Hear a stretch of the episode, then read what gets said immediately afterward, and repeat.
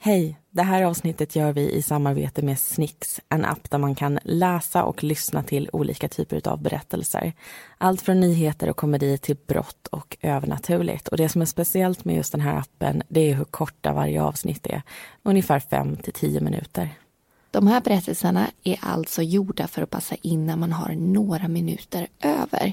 Man kanske sitter i väntrummet till tandläkaren eller väntar på bussen, har lite långtråkigt och då kan det ju kännas lite onödigt att dra igång en hel ljudbok samtidigt som man vill hitta på någonting. Och tack vare Snick så kan man alltså på den här korta stunden lyssna på ett helt avsnitt av en berättelse. Och det finns väldigt mycket att läsa och lyssna på i den här appen och många berättelser inom vår egen genre faktiskt. Ja, till exempel Kallt fall och Ouroboros. Och det förstnämnda kanske man direkt förstår vad det handlar om, men i Ouroboros så följer man en eh, kriminalreporter som rapporterar om mord begångna av en seriemördare. Och vill ni in och hitta era egna favoriter, brottrelaterat eller inte, så kan ni ladda ner appen i er telefon och testa den här tjänsten gratis i en månad. Så tack Snix för att ni är med oss den här veckan.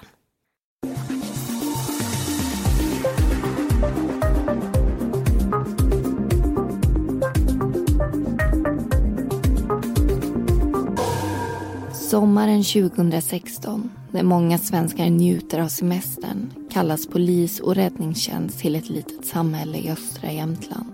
De har fått veta att det handlar om ett bråk i en lägenhet och att ett barn är involverat. Det är långt dit och även om de kör så fort de bara kan så är det för sent. När de kommer dit har situationen redan spårat ur. De ser en kvinna och en man, men var är barnet? Svaret på det får håret på armarna att resa sig. Det som hände den där dagen kommer etsa sig fast i deras minne för alltid. Och det är inte bara de och de anhöriga som skakas om. Händelsen har berört hela Sverige.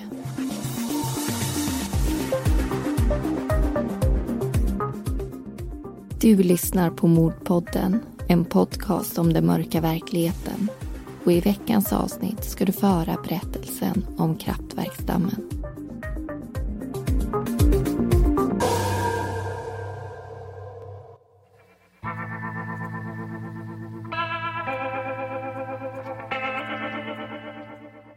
I början av hösten 2015 föds en liten flicka som får namnet Linn. Hon har kommit till världen efter många års försök och längtan efter henne har varit enorm. I hennes mammas och pappas ögon är hon det finaste som finns. Ljuspunkten i deras liv. Linn är varm och god, glad och sprallig. Men inte bara det, hon är tuff också. Det sistnämnda är en förmåga som kan behövas vid livets motgångar. Men ingen hade nog kunnat tro att det skulle komma till användning så tidigt som det gjorde. Att Linn vid bara 11 månaders ålder skulle behöva kämpa för sitt liv. En söndagsmorgon i augusti 2016 får SOS Alarm in ett samtal från ett litet samhälle i östra Jämtland. Det hörs skrik från en kvinna och ett litet barn. Larmoperatören får veta att det är en tredje person där, kvinnans man. När larmoperatören frågar om han gjort dem illa säger kvinnan inte än. Samtalet bryts och flera polispatruller får larm om att åka dit. I en av bilarna sitter Mikaela och Joakim. De är strax utanför Kramfors och på väg mot Sollefteå när meddelandet kommer in över radion. De har åtta mil till platsen och trycker på gasen. I Östersund får polisen Hans och hans kollega samma instruktioner. Men de har ännu längre att köra. Under färden kommer mer information in Grannar har ringt och berättat att mannen slitit barnet ur kvinnans famn och begett sig mot Indalsälven och den kraftverksdamm som är belägen där. 36 minuter efter det första larmsamtalet är poliserna Mikaela och Joakim på plats. De kör fram mot en bro som är en del av kraftverket. På höger sida finns ett staket och vatten strax under. På vänster sida ett stängsel och en betongvägg som går rakt ner till dammluckorna. De söker med blicken efter människor men till en början ser de inte en enda person. Men så rullar de framåt med bilen och ögonen landar på en gestalt mitt i vägen. Det är en kvinna som ligger där. Hon gråter och skriker hysteriskt. En bit längre bort vankar en man fram och tillbaka in till stängslet. Poliserna kliver snabbt ur bilen och Mikaela frågar mamman var barnet är. Hon kan inte se det någonstans. Svaret blir där nere. Och Joakims puls börjar slå allt snabbare. Han undrar om barnet hamnat i vattnet. Att hitta det blir prio ett och båda poliserna springer längre ut på bron. Då reagerar plötsligt pappan. Han avbryter sitt vankande och höjer en knuten näve. Han kommer emot dem och båda poliserna tvingas backa. Mikaela sliter fram sin pepparspray och riktar den mot pappan. Det träffar honom i ögonen, men han fortsätter ändå framåt. Joakim har nu sin betong i ena handen och riktar ett slag mot pappans lår. Inte heller det tycks stoppa honom. Han känner hur någonting blött träffar i ansiktet. Snart börjar det svida i ögonen och han kan knappt se. Han fortsätter dock avstyra attacken och snart lyckas poliserna få ner pappan på backen. Joakim ropar att Mikaela ska leta efter barnet och frågar pappan vart det är. Svaret får honom att koka av ilska. Han säger att han kastat ner henne, ner för dammen.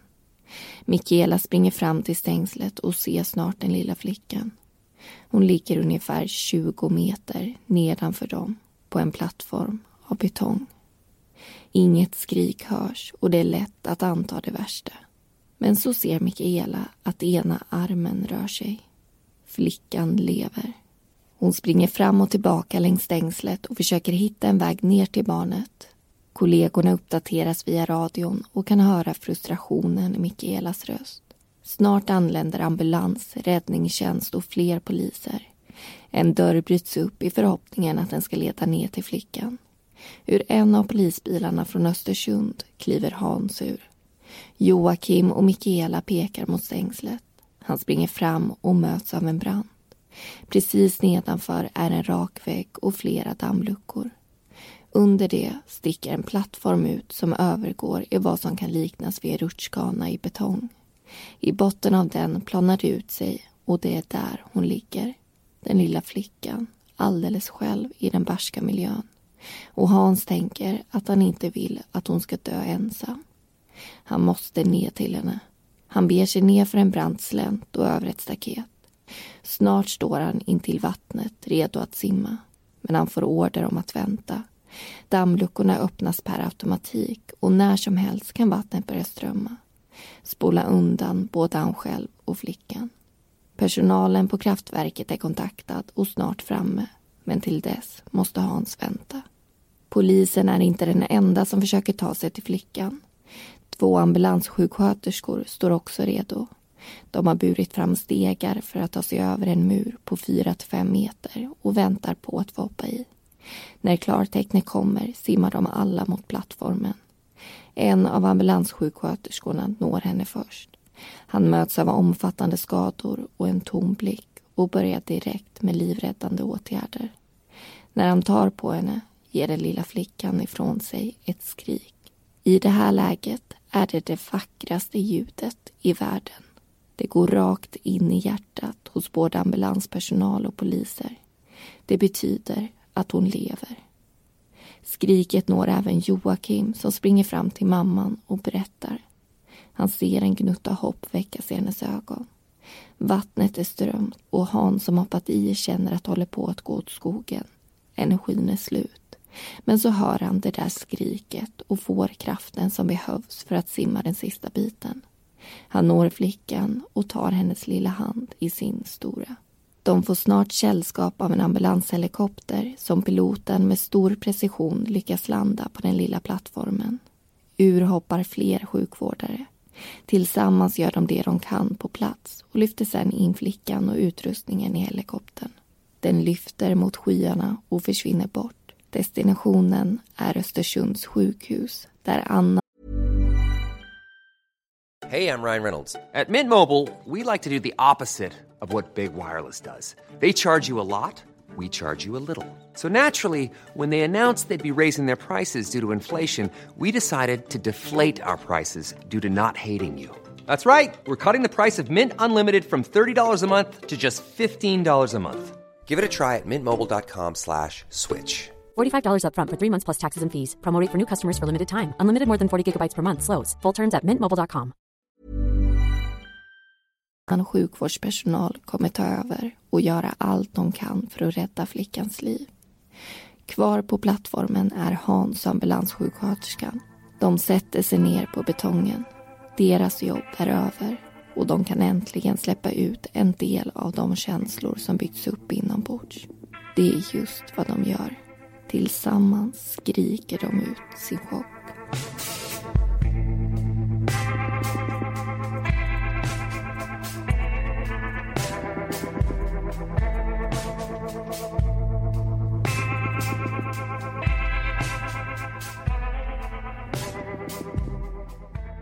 Och där hörde vi första delen utav Kraftverksdammen. Eh, det här avsnittet som är veckans fall, det är ju ett väldigt omdiskuterat fall och det är väldigt många som har berörts utav de här händelserna och det är inte svårt att förstå varför. En liten flicka kastas ner för en kraftverksdamm av sin egen pappa. Det i sig självt är ju helt ofattbart. Och det här fallet också som stort, det skiljer sig mycket från tidigare fall vi har tagit upp, för det är ju inget mord, det är inget dråp, det är inget vållande till annans död, utan det handlar ju faktiskt om ett mordförsök. För mot alla odds så överlever ju faktiskt Linn. Och det är tack vare de insatser som görs den här dagen, alltså poliser, ambulanssjukvårdare, räddningsarbetare som verkligen gör allt de kan för att få henne därifrån och få henne på en helikopter till sjukhuset. Och det var faktiskt ingen självklarhet att den här helikoptern kunde komma. För samma morgon som det här sker så håller man på att reparera något på helikoptern. Klockan nio, alltså 13 minuter efter det första larmsamtalet, så inser man att det saknas delar. Jobbet avbryts eftersom det inte är något nödvändigt just då så kan helikoptern användas när de larmas till platsen drygt 20 minuter senare. Poliserna på plats beskriver ju hela situationen som väldigt overklig. Och det är den även för personerna i helikoptern. Att se den här lilla flickan ligga i den här miljön som hon definitivt inte ska befinna sig i. Och i en artikel på Region Jämtland och Härjedalens hemsida kan man läsa om den här insatsen och även om det som hände året därpå. Ja, för då delar man ju ut 112-priset. Och det här är för att uppmärksamma de som har gjort en särskilt stark insats och jobbat tillsammans i och med en viss händelse under året. Och det går till de 23 personer som var där den dagen och hjälpte Linn komma därifrån med livet i behåll. Och vi tar ju bara upp en bråkdel av alla de här personerna i vår berättelse men vi vill ändå visa hur många som faktiskt ingick i den här insatsen. Och vi pratade tidigare om hur många som berörts av det här fallet. Och där ingår bland annat de här människorna.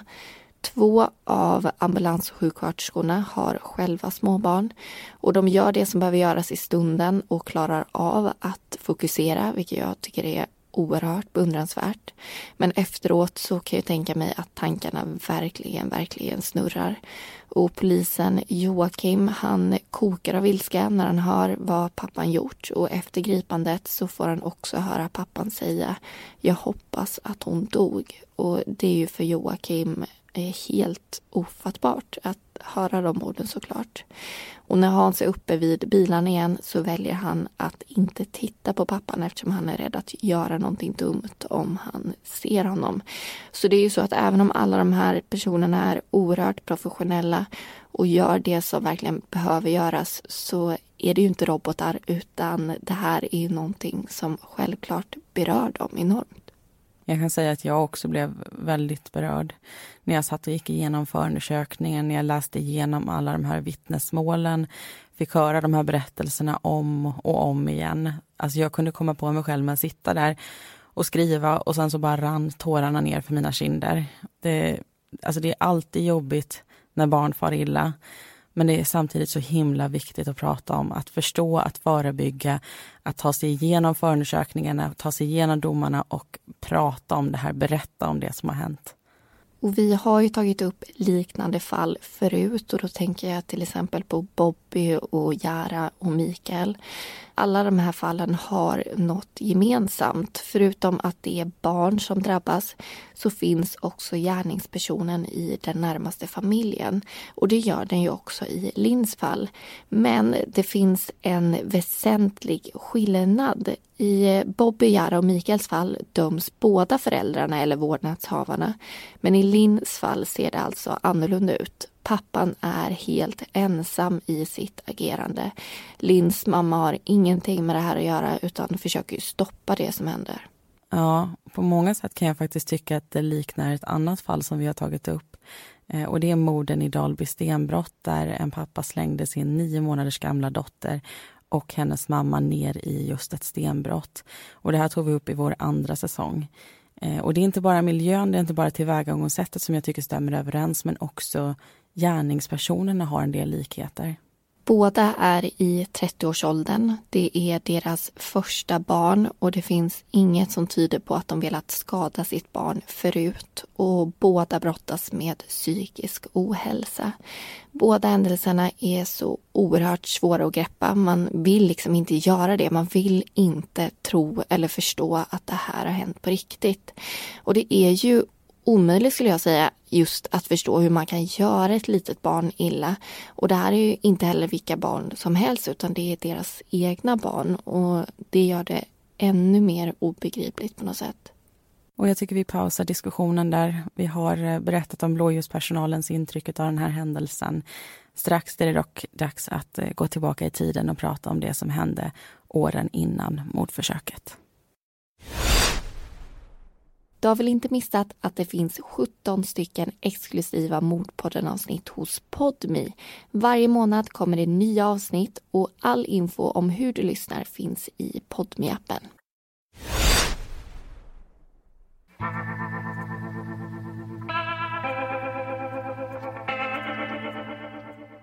Jenny och Tommy träffas första gången en nyårsafton. De är hemma hos en vän för att ta avsked av det gamla året och välkomna det nya. De faller för varann direkt. Men kontakten rinner ut i sanden och det som kunde ha blivit något blir inte det. Livet går vidare på varsitt håll. De byter jobb, bostäder och hemorter. Men så kommer de i kontakt med varann igen. Den här gången tar de vara på chansen. De umgås, blir ett par och flyttar ihop.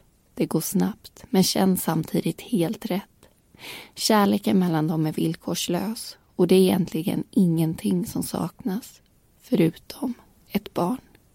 De bestämmer sig för att försöka, men månader och år passerar utan något positivt besked. När Tom är 29 år får han problem med hjärtat och därför en akut remiss för en viktoperation. Efteråt rasar kilorna, men det är inte bara fett som försvinner utan också muskler.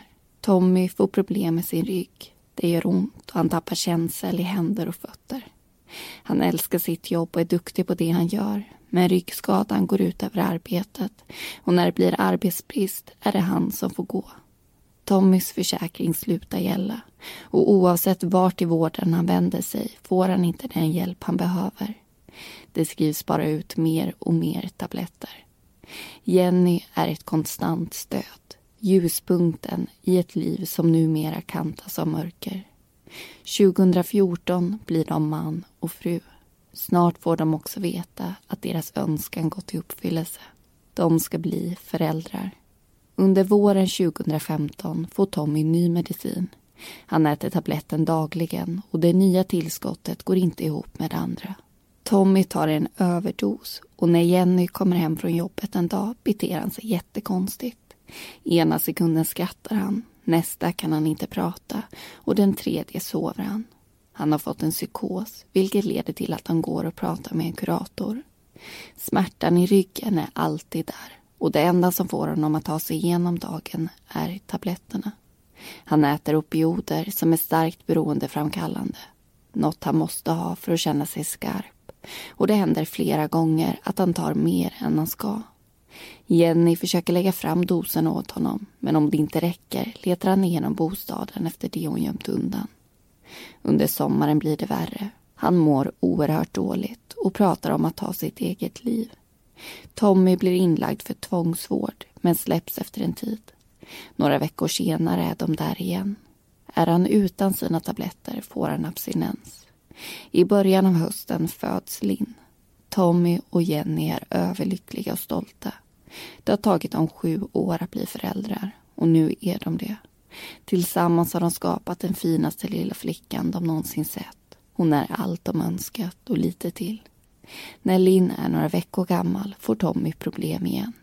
Han slår sönder saker och säger att han ska hoppa ner från kraftverksdammen som ligger en dryg kilometer från deras hem. Polis påkallas, men när de dyker upp har pappan lugnat sig. Han ångrar det han sagt och gjort och någon ny tvångsvård blir det inte. 2015 blir till 2016. Vinter till vår som i sin tur övergår till sommar. Tommys läkemedelsberoende är kvar och två gånger i veckan får han hämta sin dosett hos distriktssköterskan. Sedan han gjorde illa ryggen har han bollats runt bland ett flertal läkare men nu har han fått tillbaka en av dem han känner förtroende för. Läkaren gör hembesök och lyssnar på det Tommy säger. Det skrivs en remiss till Rygginstitutet och Tommy åker dit för en närmare utredning. När han kommer hem till frun Jenny berättar han hur bra det varit. Att han fått ett jättebra bemötande och kunnat minska ner på medicinerna. Det känns som att det äntligen har börjat vända. Och kanske är det så. Men det kan också vara lugnet före stormen. Natten till den 14 augusti är ansträngande. Linn vaknar en gång i timmen och Jenny är uppe och tröstar henne. När klockan är runt sex på söndagsmorgonen vill den lilla flickan gå upp. Tommy tar henne i sin famn och Jenny passar på att sluta ögonen en stund till. Någon gång mellan halv och kvart i nio vaknar mamman av att Linn gråter. Dottern står i spjälsängen och verkar trött. Jenny tänker att hon behöver en förmiddagsvila. Hon går ut i köket och gör i ordning en flaska välling. Tommy sitter i vardagsrummet och hon säger god morgon. Han säger ingenting tillbaka. När hon studerar honom närmare ser hon att någonting är fel. Han är sammanbiten och hon funderar på om medicinen tagit slut igen. Tommy säger att han tagit den sista tabletten under natten och inte kan få tag i distriktsköterskan som har hand om hans dosetter. Jenny tänker att det löser sig om man bara lugnar ner sig och går in i sovrummet för att byta Linns blöja. Den är tung och hon förstår att den inte blivit bytt under morgonen. Jenny blir irriterad på Tommy som borde ha gett dottern en torr blöja när hon vaknade. Han har inte heller gett henne mat och kläderna hon har på sig är gårdagen som skulle i tvätt. När Jenny sagt sitt går hon tillbaka in i sovrummet och stänger dörren. Den är lite trög att få igen så hon trycker till hårt vilket orsakar en smäll. Plötsligt hörs ljud utifrån vardagsrummet. Starka ljud. Jenny undrar vad Tommy håller på med. Han säger att han slagit sönder ett bord. Hon går ut till honom och hämtar sin telefon.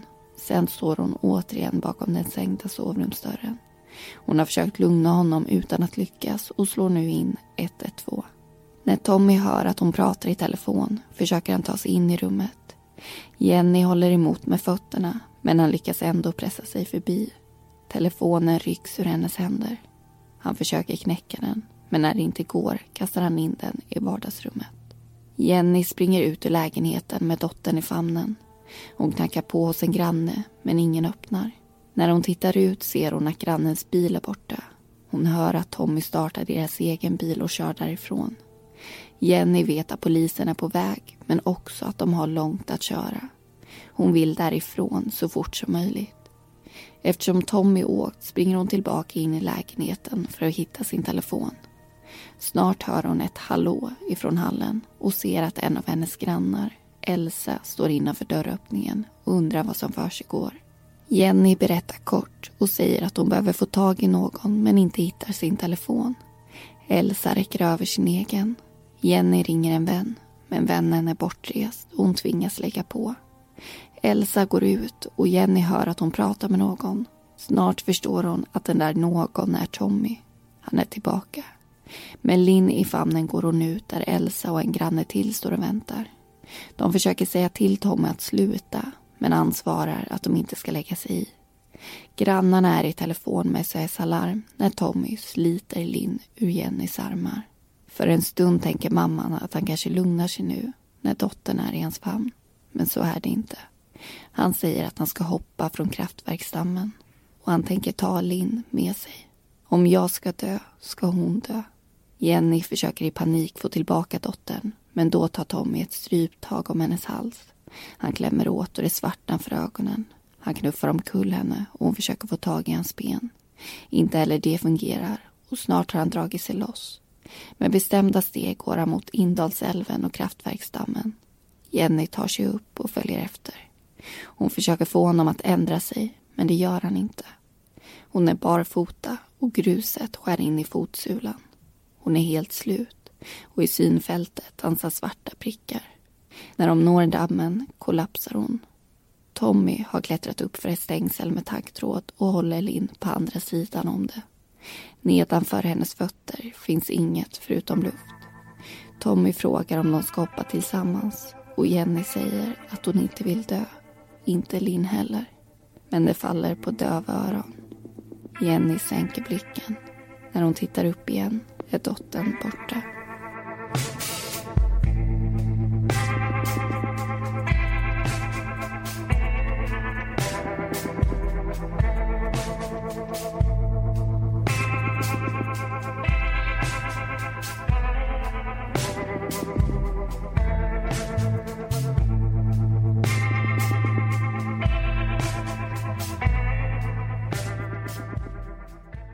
Ja, då har det blivit dags att diskutera det här fallet en andra gång.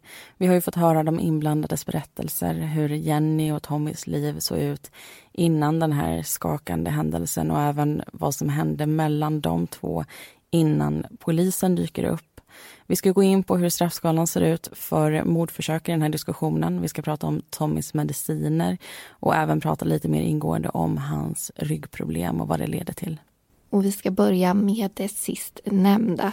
Vi får inte ta del av någon diagnos i polisens material men enligt Jenny så är det problem som uppstår i och med hans snabba viktnedgång. Går det snabbt så tar ofta musklerna stryk och ryggens muskler är såklart väldigt, väldigt viktiga. Men oavsett problemet så skickas han på utredningar som inte tycks komma till bukt med något alls egentligen. Han får medicin som ska hjälpa honom mot smärtan men det leder i sin tur till ett beroende. Och han har ju en väldigt lång medicinlista. Det innehåller saker som vitaminer och mineraler som kroppen inte längre kan få till sig tillräckligt av genom maten. Han äter också flera smärtstillande varav två stycken är eh, opioider som har en beroendeframkallande effekt. Och han har två olika typer av sömnmedel på grund av att han har svårt att sova på grund av den här verken. Han har två olika typer av mediciner mot nervsmärta. Den ena är också antidepressiv medan den andra även kan tas vid epileptiska anfall. Så ni hör ju att det är mycket tabletter, mycket saker han stoppar i sin kropp för att ta sig igenom varje dag. Och när man pratar med hans familj och vänner så beskriver de Tommy som lugn, snäll, väldigt omhändertagande och mån om allt och alla. Han var jätteglad för att ha både Jenny och Linn i sitt liv och att bli pappa var väldigt stort för honom. Men de märker också hur ont han har och ibland så försöker han dölja det och vara glad utåt men problemen med ryggen sätter sina spår och ibland så är det omöjligt för honom att inte visa det. Och hans syster säger att opioiderna gör att han blir som ett skal av sitt forna jag. Så hon går och väntar på att någonting ska hända honom för det känns oundvikligt på något sätt. Mm. Och Jenny är ju den som är där under hans utbrott. Hon ser ju när han blir aggressiv, när han slår sönder saker, när han hotar att ta livet av sig själv och även när han kör vårdslöst med bilen. Eh, men han är ju inte våldsam mot henne, han är ju inte våldsam mot Linn förrän just den här dagen. Och Kalla fakta de har gjort en dokumentär om det här fallet. Den heter Monstret och där i så går de igenom massvis av hans journalanteckningar. Och man kan se att det här problemet startade 2013 och redan året därpå så äter han mer smärtstillande än han borde äta. Och i förundersökningen så pratade Tommy om hur gärna han ville tillbaka till jobbet men att han inte kunde få någon hjälp att eh, just hitta en väg in. Det pratades om att han skulle sjukpensioneras och det ville han absolut inte. Hela den här situationen gör att han mår allt sämre och också blir deprimerad. Kalla fakta berättar att den vårdcentral han besöker omorganiseras så istället för att ha en specifik läkare att gå till som känner till hans situation så bollas Tommy runt hos flera olika. Han får mer och starkare medicin och den är beroendeframkallande. Kalla fakta visar att han tiden efter det får humörsvängningar och ångest. Han försöker sluta med opioiderna och får då abstinens och självmordstankar. Läkarna sätter in opioiderna igen. Hela tiden så är det alltså lite pest eller kolera. Försvinner ett problem så skapas hela tiden ett nytt. Och det här sker ju samma vår som Jenny berättar att det första beslutet om tvångsvård tas. Eh, hon och Tommy kommer ju senare anmäla vårdcentralen som de går till, till IVO, alltså Inspektionen för vård och omsorg, för att eh, de känner att det har begåtts fel just i Tommys vård. Men det hjälper ju inte Tommy efter att det här har hänt. Och efter mordförsöket på Linn så gör man också flera rättspsykiatriska undersökningar av hennes pappa. Det första det är en paragraf 7-undersökning som man brukar börja med. Och där kommer man fram till att Tommy inte har en allvarlig psykisk störning. Men det menar ju hans försvar att han faktiskt har. Så de ber Socialstyrelsens rättsliga råd att göra en utredning. Det görs, men de kommer fram till samma slutsats som föregående. Och även om hans medicin ändrat hans verklighetsuppfattning eller agerande så är det inte en allvarlig psykisk störning utan i så fall en psykos. Och det är inget man behandlar efteråt så fängelse kommer bli hans påföljd. Däremot så kommer man ta hänsyn till hans situation och psykisk ohälsa vid tidpunkten. Men innan vi driver iväg för långt så vill jag att vi också pratar om försök till mord. Det här är ju en rubricering som vi inte pratar om så ofta så vi tänkte gå igenom vad som gäller för det här. Ja, varje rubricering har ju en straffskala kallar man det. Det vill säga där man har ett minimistraff för det brottet och där man har ett maxstraff. Pratar vi om mord exempelvis så kan det leda till livstidsfängelse som mest och tio års fängelse som minst. Och det ser faktiskt exakt likadant ut när det kommer just till försök till mord. Påföljden blir samma som om mordförsöket hade lyckats. Så även om personen överlever så är det tio år till livstid som gäller. Och precis som vid ett mord så utgår man ifrån en mittpunkt på 14 års fängelse. Förmildrande omständigheter gör att det kan landa på 12 år eller 10 år och försvårande omständigheter betyder att det kan bli 16 år, 18 år eller just livstidsfängelse. Och jag tror att vi har betat av allting som vi lovade i den här diskussionen. Så jag tycker faktiskt att vi återvänder till berättelsen och hör hur det här slutar.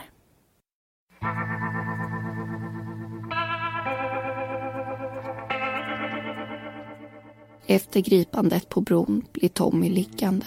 Han och polisen Joakim har båda pepparspray i ögonen och det svider. Tommy undrar varför han inte får spola dem och Joakim förklarar att de båda måste vänta Fler och fler människor anländer och springer förbi dem. Deras fokus ligger på Linn. Hon är prio ett. När det lugnat sig en aning ber Joakim en förbipasserande kollega om hjälp. Kollegan springer och hämtar benfängslen och när de säkrats kan Tommy sitta upp. Mikaela kommer förbi med en flaska ögondusch och båda männen sköljer sina ansikten. Efteråt går Joakim fram till stängslet och tittar ner. Han ser Linn och tänker att det här inte kommer sluta lyckligt. Varenda en av hans kollegor kämpar med näbbar och klor för att ta sig till henne och Joakim går fram till Jenny. Han kramar om henne och försöker trösta. Efter en stund tar kollegan Ylva över. Ylva berättar för Jenny vad det är som händer samtidigt som båda sitter vända med ansiktena mot en vägg. Jenny vill inte se på vare sig sin man eller dottern Linn. Hon vågar inte titta ner rädd för vilka bilder som sketsar sig fast i minnet. Efter ett tag får de veta att flickan inte längre är ensam och att hon lever. De två kvinnorna sätter sig i en bil tillsammans och efter mycket väntan kan de åka.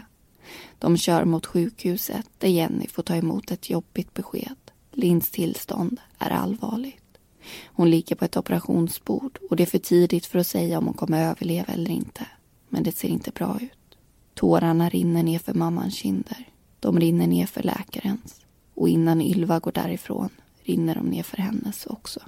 Tommy tas till arresten i Östersund där han delges misstanke och ett första förhör hålls. Oron för att han ska begå självmord är stor och extra vakter sätts in för att hålla ett öga på honom. Efter några dagar tas han till en rättspsykiatrisk avdelning och där fortsätter förhören. Han berättar att han vaknade den där söndagen av att det kändes som om det brann och skar i ryggen. Det gjorde så ont att han inte visste vart han skulle ta vägen. Tabletterna var slut och inget han gjorde hjälpte. Han fick inte tag i den person som vanligtvis lämnar ut hans medicin och paniken växte. Han slogs av en tanke han haft förr. Att enda utvägen var att ta livet av sig. Efter bråket med Jenny satte han sig i bilen och tryckte på gasen. Han körde in i ett trädgårdsbord och över en sten. In i ett vägräcke och ner i en slänt. Krockkuddarna utlöstes, men något mörker omfamnade honom inte. Eftersom det första försöket misslyckats vände han tillbaka till lägenheten. Han visste vad han skulle göra och han ville ha sin dotter med sig. Det finaste han hade skulle med till andra sidan. Han knuffade omkull Jenny och gick med Linn i famnen mot kraftverksdammen. Flera av minnena är röriga och han kommer inte ihåg allt som hände efter bilolyckan. Att Jenny skrek på honom och han på henne är inte tydligt. Han minns dock stängslet och känslan av att han inte orkade mer. Att han med Linn i famnen trillade bakåt och hon framåt och ner i avgrunden. Åtal väcks och en huvudförhandling i tingsrätten inleds. Tommy får återigen säga sitt. Det får också Jenny och de många vittnen som sett eller hört delar av händelseförloppet. Linns öde berör och vid tillfällen blandas ord med tårar. För att bättre förstå vad som hände den dagen gör domare och nämndemän ett besök vid kraftverksdammen. De överlägger och återkommer med ett beslut och en motivering. De anser att Tommys agerande talat ett tydligt språk. Att han haft flera chanser att besinna sig, men inte tagit dem. Han säger att han tappade henne. Men direkt efter händelsen hör flera poliser honom säga att det var ett kast. Tingsrätten går på åklagarens linje och bedömer det som uppsåtligt dödande. Närmare bestämt försök till mord. Händelseförloppet har varit utdraget och hans agerande hänsynslöst. Oavsett hur många vittnen som hörs är det svårt att förstå varför han gjorde som han gjorde. Hur en pappa medvetet kan göra illa sin egen dotter. Något rationellt motiv kan man aldrig fastställa. Hans psykiska ohälsa ses som en förmildrande faktor och till slut landar man på tio års fängelse. En dom som hovrätten skärper till tolv år. Någon prövning i Högsta domstolen blir det inte och Tommy flyttas till anstalt för att avtjäna sitt straff. Mot alla odds överlevde Linn mordförsöket. Hon tillbringade många timmar på sjukhus och med tiden läkte hennes sår. Hon hade inte hunnit fylla ett år när det fasansfulla hände. Idag är hon fyra. Det är ett mirakel att hon överlevde. Hon är minst sagt en tuff liten tjej.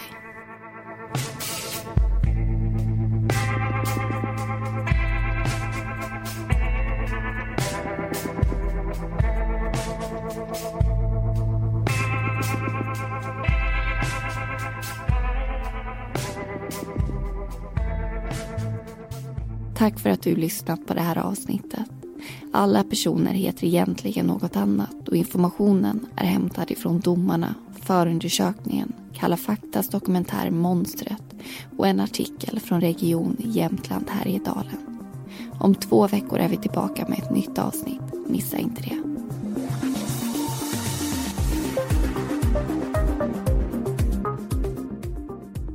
Du har lyssnat på Mordpodden. Vi som har producerat den heter Amanda Karlsson och Linnea Bolin.